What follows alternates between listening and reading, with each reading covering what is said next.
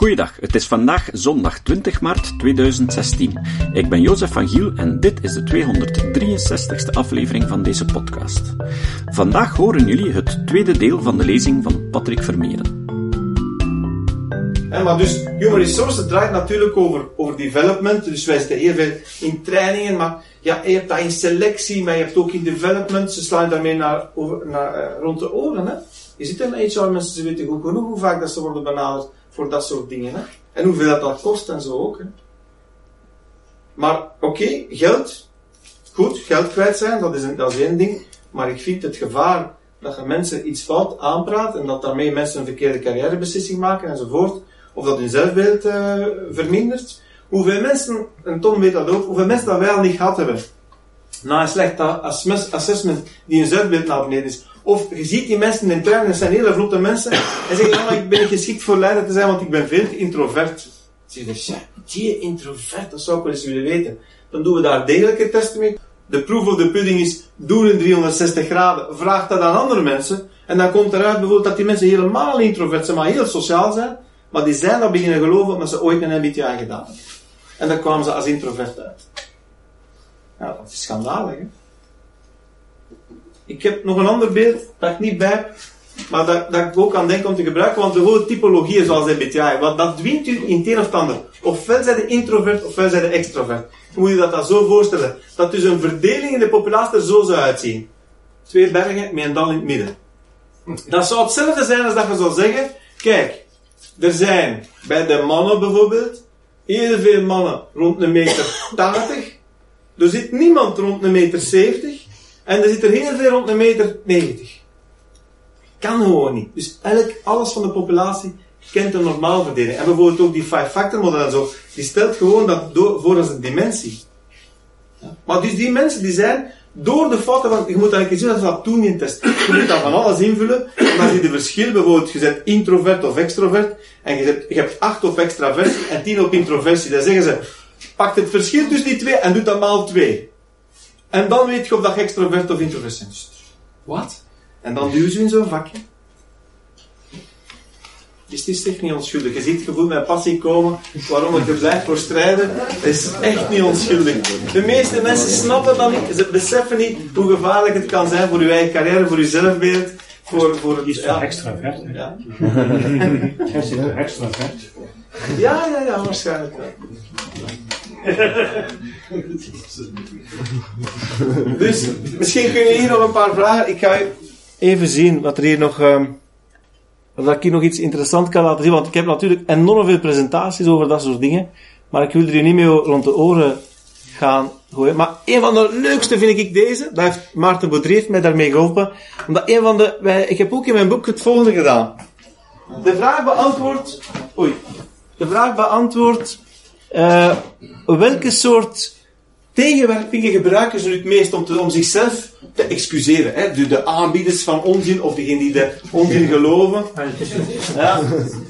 Dan, dan zeggen ze, maar Patrick, toch, waar maakt u druk in, jong? Het is toch gewoon maar om een discussie op gang te brengen. Dat hoeft toch niet juist te zijn, zo'n test. Dus ze zeggen, in het Engels dan, it's only a discussion starter. Gewoon als je mensen maar over in gesprek brengt. Oké, okay, prima. Dus, moet je dat volgende voorstellen. Je gaat op citytrip naar Parijs. Nu mag dat doen, hè. het is al een tijdje terug dat daar die uh, aanslagen zijn geweest.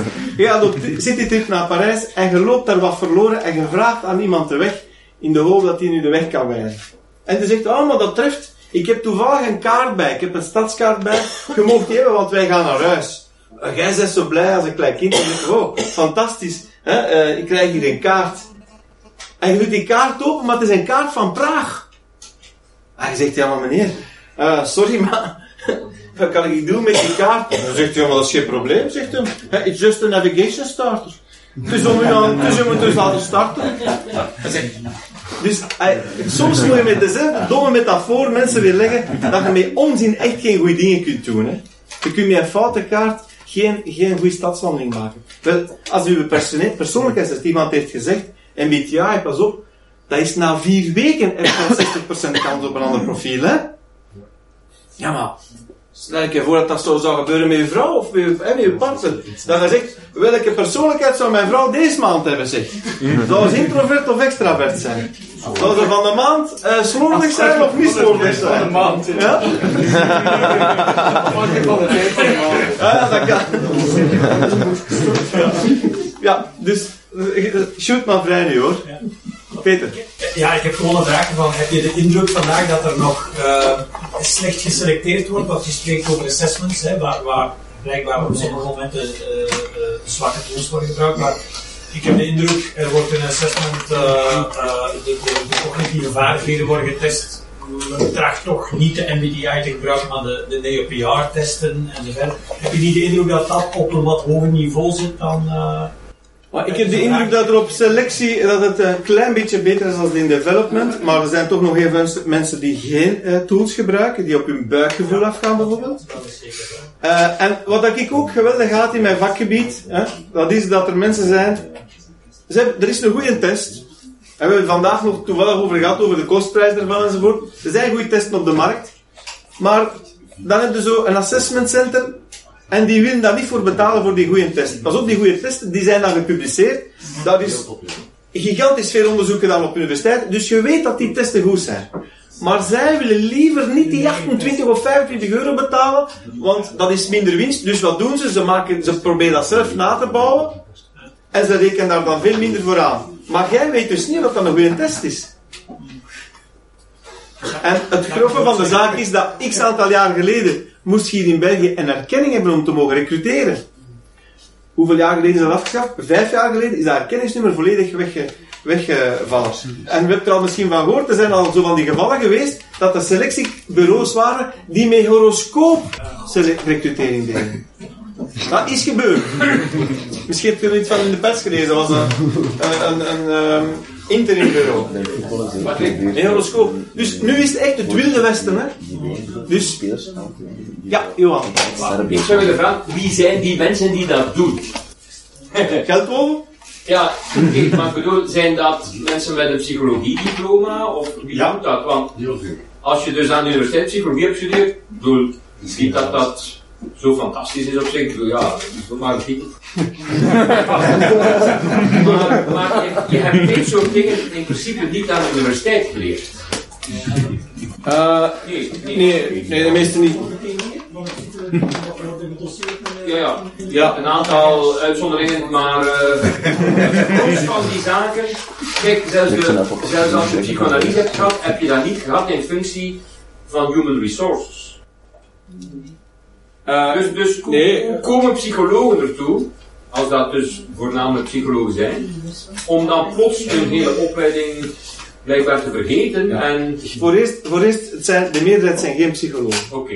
Dat is al Maar dat was dus... Er zijn, er zijn afdelingen, er zijn bedrijven waarbij dat geen enkele psycholoog er zit. Ten tweede heb ik al psychologen gezien die zeggen, ja maar, ik heb dat zachtjes proberen naar mijn baas zijn verstand te brengen. Maar dat is een econoom en zegt, ja we werken al zoveel jaar mee met jou, dat is allemaal hetzelfde. En, Ah, het zijn economen. bijvoorbeeld. maar, bedoel, die jonge psychologen proberen, maar die stuiten tegen hiërarchie.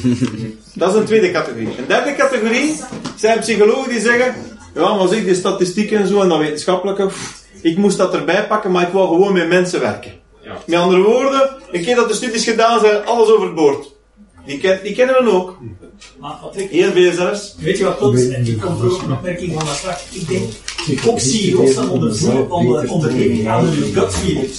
En ik merk ook, en dat is ook zo in selecties, wat die betrokken personen voelen met hun buik, is toch meestal nog meer doorslaggevend dan datgene wat je bij wijze van spreken Ja. als contra-intuïtief door de testing hebt, uh, hebt vastgesteld. En dat maakt het vaak moeilijk. Dus mijn oproep is ook naar de general managers, dat zij in staat zijn om ook het HR-vak naar een hoger niveau te tillen, door er verdorie ook als een, laten we zeggen, een, een stevige sparringpartner voor te zijn. Ja, tuurlijk, tuurlijk. Want men laat dat ook toe, hè. Het is, het is echt common practice hoor. Om op die Natuurlijk. manier naar te kijken. Ah, het, het, is echt, eh, het, het is echt kwestie van, van, van opvoeding en, en bijna gewetenschap. Dus de reden waarom ik ook met TED Talk het op een ander boek gooi is, vroeger altijd veel te zakelijk en veel te wetenschappelijk en, en, en, en nuchter proberen te zijn. En dan raak je geen snaar. Dus ik probeer nu ook met de TED gewoon te zeggen van, probeer ook erbij te brengen dat het ook immoreel is wat je doet, als je niet op wetenschap baseert voor zoiets. Dat je over mensen Uh, misschien moet ik de laatste slide veranderen te zeggen van, je hebt de verdoende plicht om heel voorzichtig te zijn als je uitspraken doet over mensen, want we zijn kwetsbaar enzovoort. Dus we hebben eigenlijk die verdoende plicht, maar uh, dat is geen, gemakkelijk om dat in het Engels te vertalen. Ja, Johan, ik weet niet dat ik je vraag nog verder moet beantwoorden. Maar ja, nee, als niemand anders direct is, maar uh, wat ik me nu afvraag spontaan, je hebt een VZW opgericht, die, die dus focust op evidence-based HR, dus HR gebaseerd op bewijzen. Uh, dus ik zou misschien willen weten wat, wat jullie precies doen. En mijn vraag is ook of er een soort belangenorganisatie is van mensen die zich benadeeld voelen, voelen bijvoorbeeld in, uh, voor bevorderingsprocedures of uh, die een job gerateerd hebben enzovoort, door dat soort nonsens. Dat is er nog niet. Want dat moet over vele duizenden mensen gaan die eigenlijk een een vereniging zou opstarten, uh, Ja, dus om Je zal een testaankoop moeten aanspreken. Ja, zoiets, ja. Maar het probleem is dat je zelf een klein beetje gelooft in alternatieve therapie en zo. Maar, maar was misschien iets over de VZ2? Ja, maar met de VZ2 uh, is eigenlijk het, het noodzaak opgericht, hè? een soort van frustratie omdat bijvoorbeeld in de medische wereld heb je toch een aantal organismen, zoals de Cochrane en zo, die proberen systematisch, dat fantastisch dat daar systematische reviews doen voor artsen, uh, ik heb ook gelukkig huisartsen, niet gelukkig, ik heb daar waarschijnlijk voor gekozen, die ook evidence-based minded zijn. Als die iets willen weten of opzoeken, ja, dat zit op zijn pc en dan zoekt dat op. Dat zoekt die guidelines. Dus wij hebben zoiets niet in de psychologie, laat staan in HR. Hè. Ja, maar in, in, in, de psychologie heb je maar een beetje hoor, de, de hoe noemen ze daar, de Campbell Collaboration, daar staat niet veel op. Hè. Dat is nog bijna niks. Hè. En je hebt nog altijd die ongelooflijke scholen die elkaar bestrijden. En, nu, ik moet u niet vertellen, ik heb nu twee dochters die, om een of andere reden, toch psychologie hebben willen doen. de ene gaat in Leuven en krijgt in haar derde jaar een vak psychodynamica. Dat is gebaseerd op psychoanalyse. Die heeft dat moeten doen. Die heeft, heeft daar een goed punt op gehaald. Die heeft het spel gespeeld. Maar de eerste die krijgt dus in haar eerste jaar in Gent. Uh, de tweede die krijgt in haar eerste jaar in Gent. Het eerste jaar de geschiedenis van de psychologie. Een half uur over alles wat er voor Freud gaat. Ik heb al gehoord dat ze het laatste half uur van de lessen op het einde van het academiejaar ook over wat er na jong zou zijn. En voor de rest hebben ze een boek gekregen over, over Freud. En hij introduceert zichzelf. Ik heb de tekst gezien, ik ben een psychoanalyticus, ik geloof erin. En dus die, die vermassacreert dat vak voor mij. Maar gaat nu niet zeggen of ze zal, diploma, zal dat diploma niet. Maar ik bedoel, het is, ook, het is ook nog niet uitgegroeid aan de universiteiten. Hè? Er zijn heel veel mensen... Uh, proffen, filosofen, die, die duidelijk stelling nemen van psychoanalyse is echt pseudowetenschap, maar het wordt helaas ook nog gedoseerd. Hè. Dus het, het komt echt wel vanuit verschillende hoeken. Hè. Dus wat we dus met de VZ2 doen, is, is proberen ja, uh, dat, uh, een oproep te doen. We hebben nu proberen een nieuw initiatief te lanceren, waarbij dat we gaan bedrijven helpen om, om in hun lastenboek criteria in te zetten voor evidence te hebben en zo. En voor de rest hebben we daar een trefwoordenregister op staan, waar dat we in kort de modellen die, die in het lang beschreven worden in de boeken, dat we die kort toelichten. Daar staat een trefwoordenregister op van A tot, tot Z, met goede en slechte dingen in. We proberen daar die voorlichting te doen. Maar het is eigenlijk een beetje een, een nood, een noodoplossing, omdat er, uh, ja, ook de academici zijn daar niet geïnteresseerd, hè. Die zijn, die zijn bezig met hun eigen publicaties. Uh, er zijn heel veel niet geïnteresseerd. Om, je hebt er een paar, Scott Lilienfeld met zijn boeken en zo die proberen een dam op te werpen. Maar we zouden zoiets moeten hebben. Ja, kijk dan, dan ook een HR-professional een keer gaan kijken in een database van, oké, dat thema, wat is daar nu al aan systematische review over? Maar dat hebben we niet, hè. Ja. En moeten die oplossingen uit het veld zelf komen? Of vind je dat de overheid daarop moet interveneren? Als er zoveel benadeelden zijn, wat is dan een oplossing? Ja, ik zou liever de overheid hebben, maar het is, het is natuurlijk, uh, bijvoorbeeld ook als je, als je echt mensen ziet die echt aan het frauderen zijn en je gaat dan bijvoorbeeld een klacht indienen bij economische inspectie, we hebben dat al een paar keer geprobeerd, eh, of je doet, of je, je gaat een strafklacht indienen en zeggen ze, ja kijk, we hebben moorden en, en, en verkrachtingen zijn veel belangrijker, we hebben daar de mankracht niet voor. Dus dat wordt geseponeerd, niet omdat, u, omdat ze gewoon de tijd niet hebben en de middelen niet hebben bijvoorbeeld. Maar ik denk ook, allee, als de overheid dan een keer zou het voorbeeld geven en daar hebben ook een paar mensen binnen die dat beginnen te doen. Uh, agentschap overheidspersoneel zitten een paar mensen aan het top en die ook echt zeggen, we willen dat meer en meer gaan doen. Er zijn echt een paar trekkers. Uh, ik, hoop, ik hoop dat het lukt, maar ik, ik was de laatste twee, drie jaar redelijk positief ook, omdat het aantal onderschrijvers op onze brief vrij hoog begint te komen en zo. Maar als je dan ziet wat er de afgelopen twee jaar is gebeurd, dan heb ik echt bijna depressief geweest en gezegd van, ik ga de pijp aan Maarten geven en ermee stoppen. Die 70-20-10 framework, waar dat bedrijven ongelooflijk mee zijn binnen schrappen in hun opleidingsaanbod. Of die hype van Frederik Laloux, die nu overal wordt gevraagd, tot in de Antwerp Management School toe, hè. Dan zegt maar mensen, waar zijn je mee bezig? Dat je zo'n duidelijke onzin, dat je die zo'n vorm geeft. Hè? Ja, En die vindt ook ingang bij de overheid. die vind, dat weet ik niet, wat die bij de overheid ingaat. Ja, Ja. bij, bij sommige steden en zo wel. Ja, toch wel. Ja. Ja, maar, eh, omdat hij, vertrekt iets, hij vertelt iets aantrekkelijk, dat de mensen weten van kijk, eh, we hebben eigenlijk geen leiders nodig en er is te veel stress in organisaties en er is te veel burn-out, dus we moeten samenwerken op een andere leest gaan schoeien en we moeten dat allemaal veel vriendelijker voor elkaar zijn. En dus daar begint hij mee, maar dan begint hij dat allemaal te verklaren met dwaze modelletjes, maar eigenlijk heeft hij ook nog een andere agenda, namelijk dat is die integral theory en zo promoten en, en wat dat eigenlijk al zo wat religieus sectarisch is. En ja, dat is, dat heeft jarenlang niet buiten Amerika gekomen, dat heeft daar jarenlang gesluimerd. En nu plotseling dat- slaat dat over naar Australië en slaat dat over naar, naar Europa. En wij hebben dan nog een Belg, een Belg die daaraan meedoet, zeg, eh, Frederik Laloux. Hij surft een beetje op de zelfsturende teams. Maar die mensen die er echt mee bezig zijn, zoals de mensen van buurtzorg in Nederland en zo, ja, die, die, die, die hebben ja, gevalideerde ervaring en zo. Hij surft daar een beetje op die golf. Eh, maar eigenlijk, als je echt op dat onderdeeltje hè, wilt inzoomen, dan is hij ongelooflijk oppervlakkig en, en generalistisch. Hè. Ja. Ja, natuurlijk. Hij, hij spreekt ook vaak over de leaderless organization. Hè. Eh, een organisatie moet kunnen bestaan zonder leider. Ja, dit soort van dingen is... En dan, als je daar Hello Crazy en zo. Ja, dat is heel utopisch. Dat is bijna een Rousseau's gedachte. om van, een voorbeeld te geven wat de man zegt als voorbeeld. Maar Ik kan nog eens een voorbeeld geven wat de man zegt, want dat is toch wel interessant om zo'n paar van die dingen te zeggen. Maar kijk, zegt hij, we moeten onze inspiratie halen uit de natuur. Kijk gewoon naar bossen, hoe, hoe dat daar alles in harmonie leeft met elkaar. Hoe dat alles samenwerkt, hoe dat de zwammen samenwerken met de bomen enzovoort. Dus die mensen zien in de natuur niks van competitie. Die ziet niet dat daar dieren elkaar opeten. Die ziet niet dat, dieren, eh, dat, dat bomen groeien om het licht, de, competi- eh, de competitie voor het licht. Dat ziet hij allemaal niet. En die mensen zitten nou zo...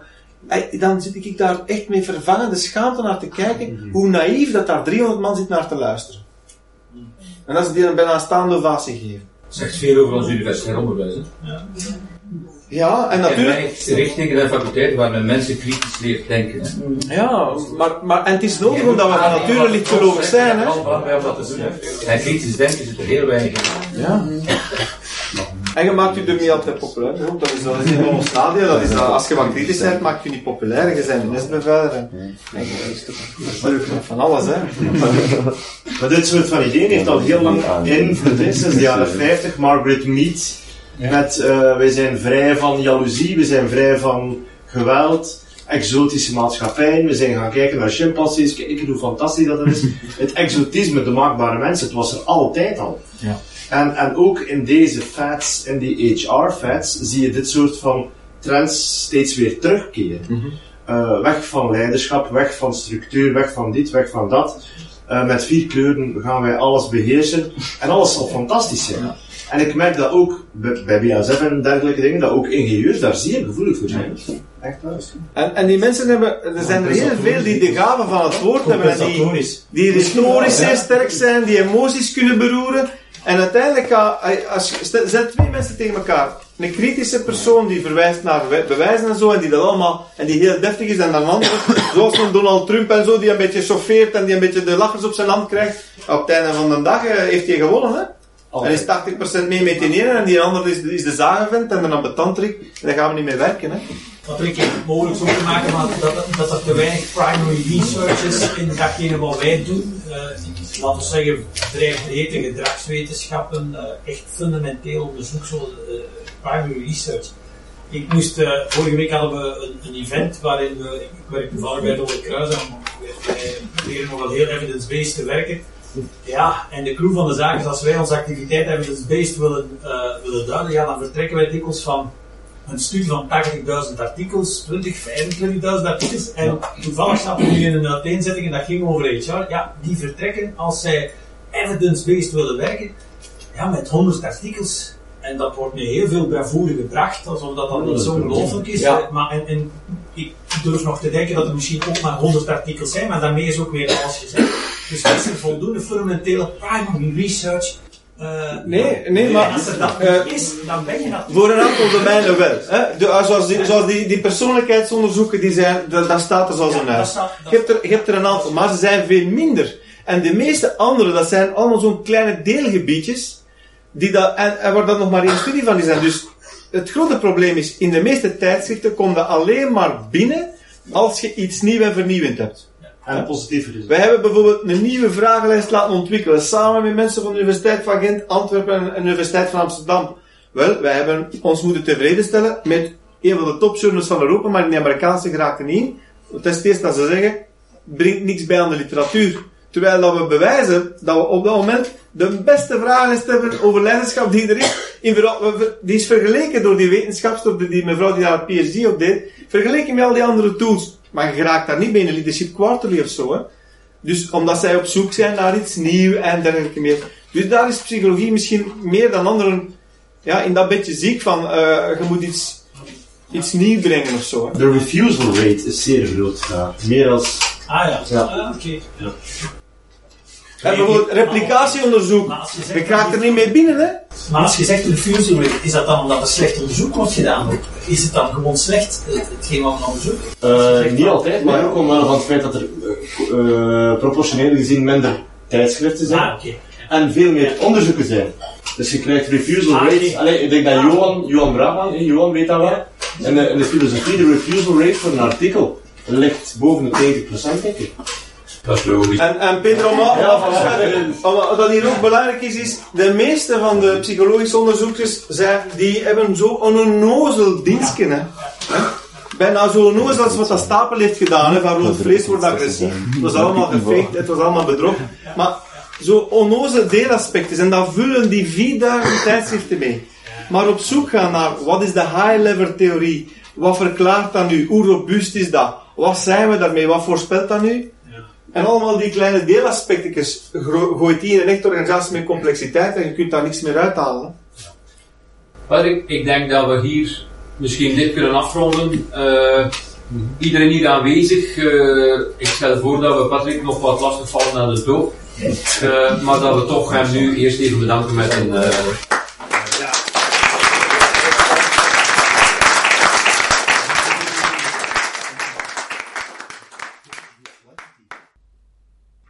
Het citaat. Het citaat van vandaag is van Ben Goldacre.